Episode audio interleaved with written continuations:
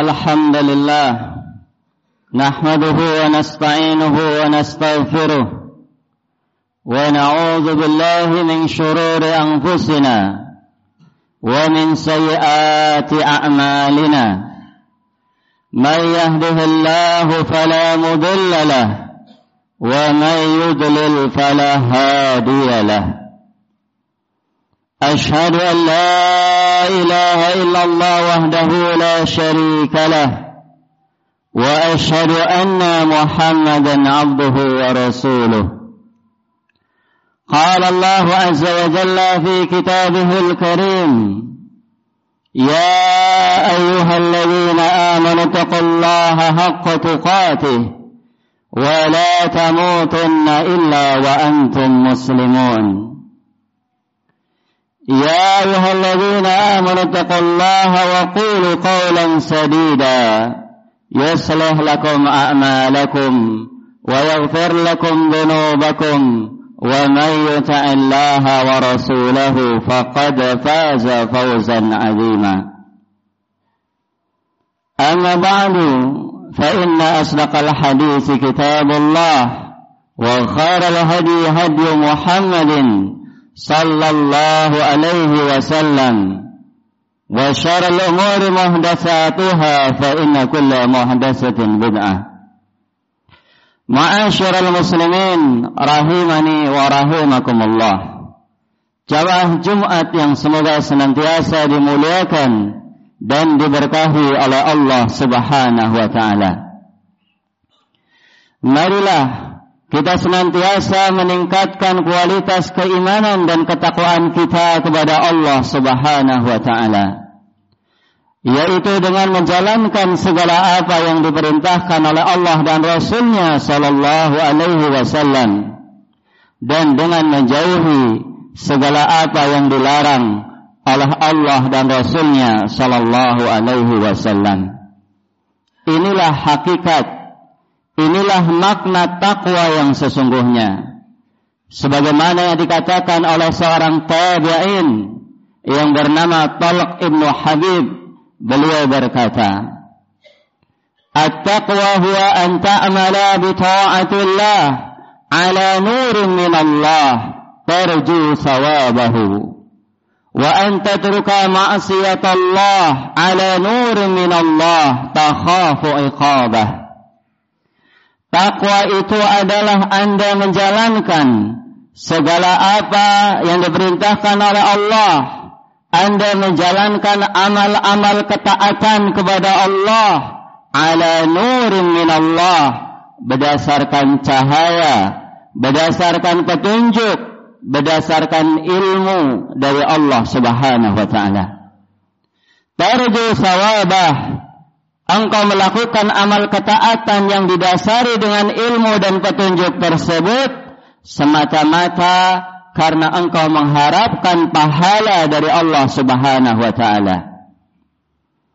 Dan takwa adalah Anda meninggalkan perbuatan-perbuatan maksiat kepada Allah ala nuri juga berdasarkan petunjuk, berdasarkan cahaya berdasarkan ilmu takhafu iqabah semata-mata Anda meninggalkan perbuatan maksiat tersebut adalah karena khawatir karena takut terhadap siksaan Allah Subhanahu wa taala.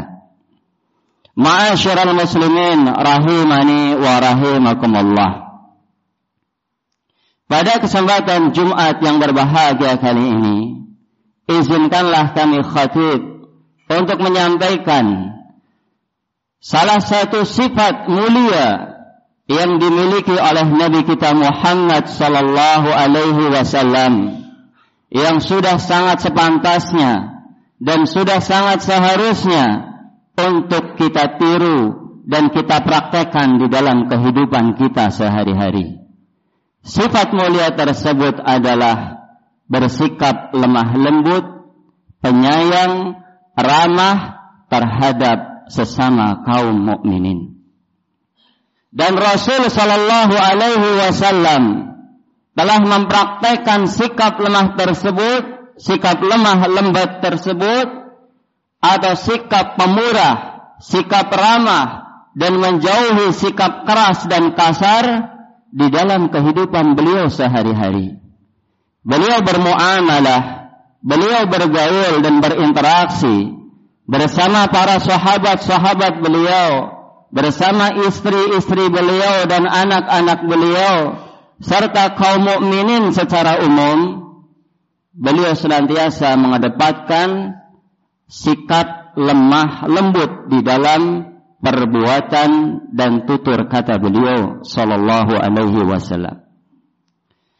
Tidak hanya kepada orang-orang tua, tetapi beliau juga bersikap lemah lembut kepada orang-orang muda, bahkan kepada anak kecil sekalipun. Beliau senantiasa bersikap lemah dan lembut. Di antara gambaran peristiwa yang menjelaskan tentang sikap Nabi Shallallahu Alaihi Wasallam yang amat mulia ini adalah sebuah hadis yang diriwayatkan oleh Imam Bukhari dan Imam Muslim di mana Umar bin Abi Salamah seorang sahabat Nabi yang pernah hidup di bawah bimbingan dan pengasuhan beliau sallallahu alaihi wasallam beliau menceritakan Kuntu gulaman fi hajri Rasulullah sallallahu alaihi wasallam wa kanat yadi tatishu fi sahfati faqala li Rasulullah sallallahu alaihi wasallam ya gulam Sammillah wa kul biyaminik wa kul mimma yalik. Umar bin Abi Salamah, sang pelaku sejarah beliau bercerita, dulu ketika waktu aku masih kecil, aku hidup bersama Rasulullah Sallallahu Alaihi Wasallam. Dan pada suatu ketika aku makan bersama Rasulullah Sallallahu Alaihi Wasallam di dalam satu nampan. Wa kanat yadi tatisu fi sahfati. Dan pada waktu itu tanganku mengacak-acak isi nampan dan ini adalah merupakan kebiasaan anak kecil secara umum ketika makan. Yaitu suka mengacak-ngacak makanan. Faqala li Rasulullah sallallahu alaihi wasallam melihat hal yang demikian Rasulullah sallallahu alaihi wasallam berkata kepadaku Ya gulam wahai anak kecil Samillah jika engkau makan, ucapkanlah bismillah. Sebutlah nama Allah Subhanahu wa taala. Wa biyaminik dan makanlah dengan tangan kananmu. Wa kul mimma yalik dan makanlah yang terdekat dengan dirimu. Jangan berpindah-pindah, jangan mengacak-acak makanan yang ada di atas nampan. Lihatlah wahai kaum muslimin rahimani wa rahimakumullah. Sikap lemah lembut yang ditunjukkan oleh Nabi kita Muhammad sallallahu alaihi wasallam. Ketika beliau melihat Umar bin Abi Salamah yang makan dengan cara mengacak-acak makanan, beliau tidak langsung membentak atau beliau tidak langsung memarahi anak kecil tersebut atau bahkan mungkin sampai melakukan kekerasan fisik tidak. Tapi apa yang dilakukan oleh Nabi Shallallahu Alaihi Wasallam? Beliau menyapa, beliau menegur dengan sangat lemah lembut dengan mengatakan, Ya gulam, wahai anak kecil. Di dalam riwayat yang lain, yaitu riwayat Abu Dawud, Nabi Shallallahu Alaihi Wasallam itu mendahului dengan perintah udnu mendekatlah kepadaku. Baru setelah itu beliau Shallallahu Alaihi Wasallam menyampaikan tentang adab-adab ketika makan. Nabi Shallallahu Alaihi Wasallam adalah kudwah hasanah, suri tauladan yang sangat baik bagi kita semuanya. Dan beliau Shallallahu Alaihi Wasallam telah mencontohkan sikap yang mulia ini di dalam kehidupan beliau sallallahu alaihi wasallam termasuk terhadap anak kecil.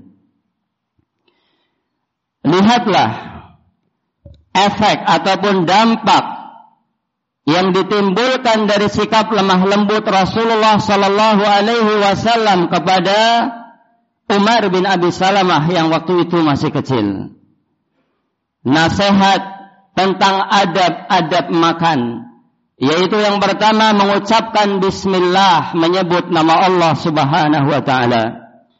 Kemudian yang kedua makan dengan tangan kanan, dan yang ketiga makan dari yang terdekat dan jangan suka mengacak-acak makanan. Tiga nasihat tersebut begitu membekas di dalam jiwa seorang anak kecil yang bernama Umar bin Abi Salamah. Maka setelah itu beliau mengatakan, "Fama zalat tilka ti'mati ba'du." Setelah itu aku senantiasa makan dengan cara dan adab yang telah diajarkan oleh Rasulullah Sallallahu Alaihi Wasallam kepadaku. Inilah efek pengajaran yang disampaikan dengan cara yang bijak. Inilah hasil positif yang dihasilkan dari cara pengajaran yang disertai dan dihiasi dengan kelemah lembutan. Kalau kita Mungkin ketika kita melihat anak kita makan bersama kita dengan cara mengacak-acak makanan, ya. Kemudian kita mungkin akan langsung menegur dengan keras. Bahkan mungkin akan melotot mata kita. Tidak sedikit mungkin akan melayang tangan kita. Sehingga anak kita pun tidak akan mendapatkan kebaikan apa pun dari pengajaran ataupun cara pengajaran yang telah kita lakukan. Maka seyogyanya kita sebagai kaum muslimin kita mencontoh Rasulullah sallallahu alaihi wasallam.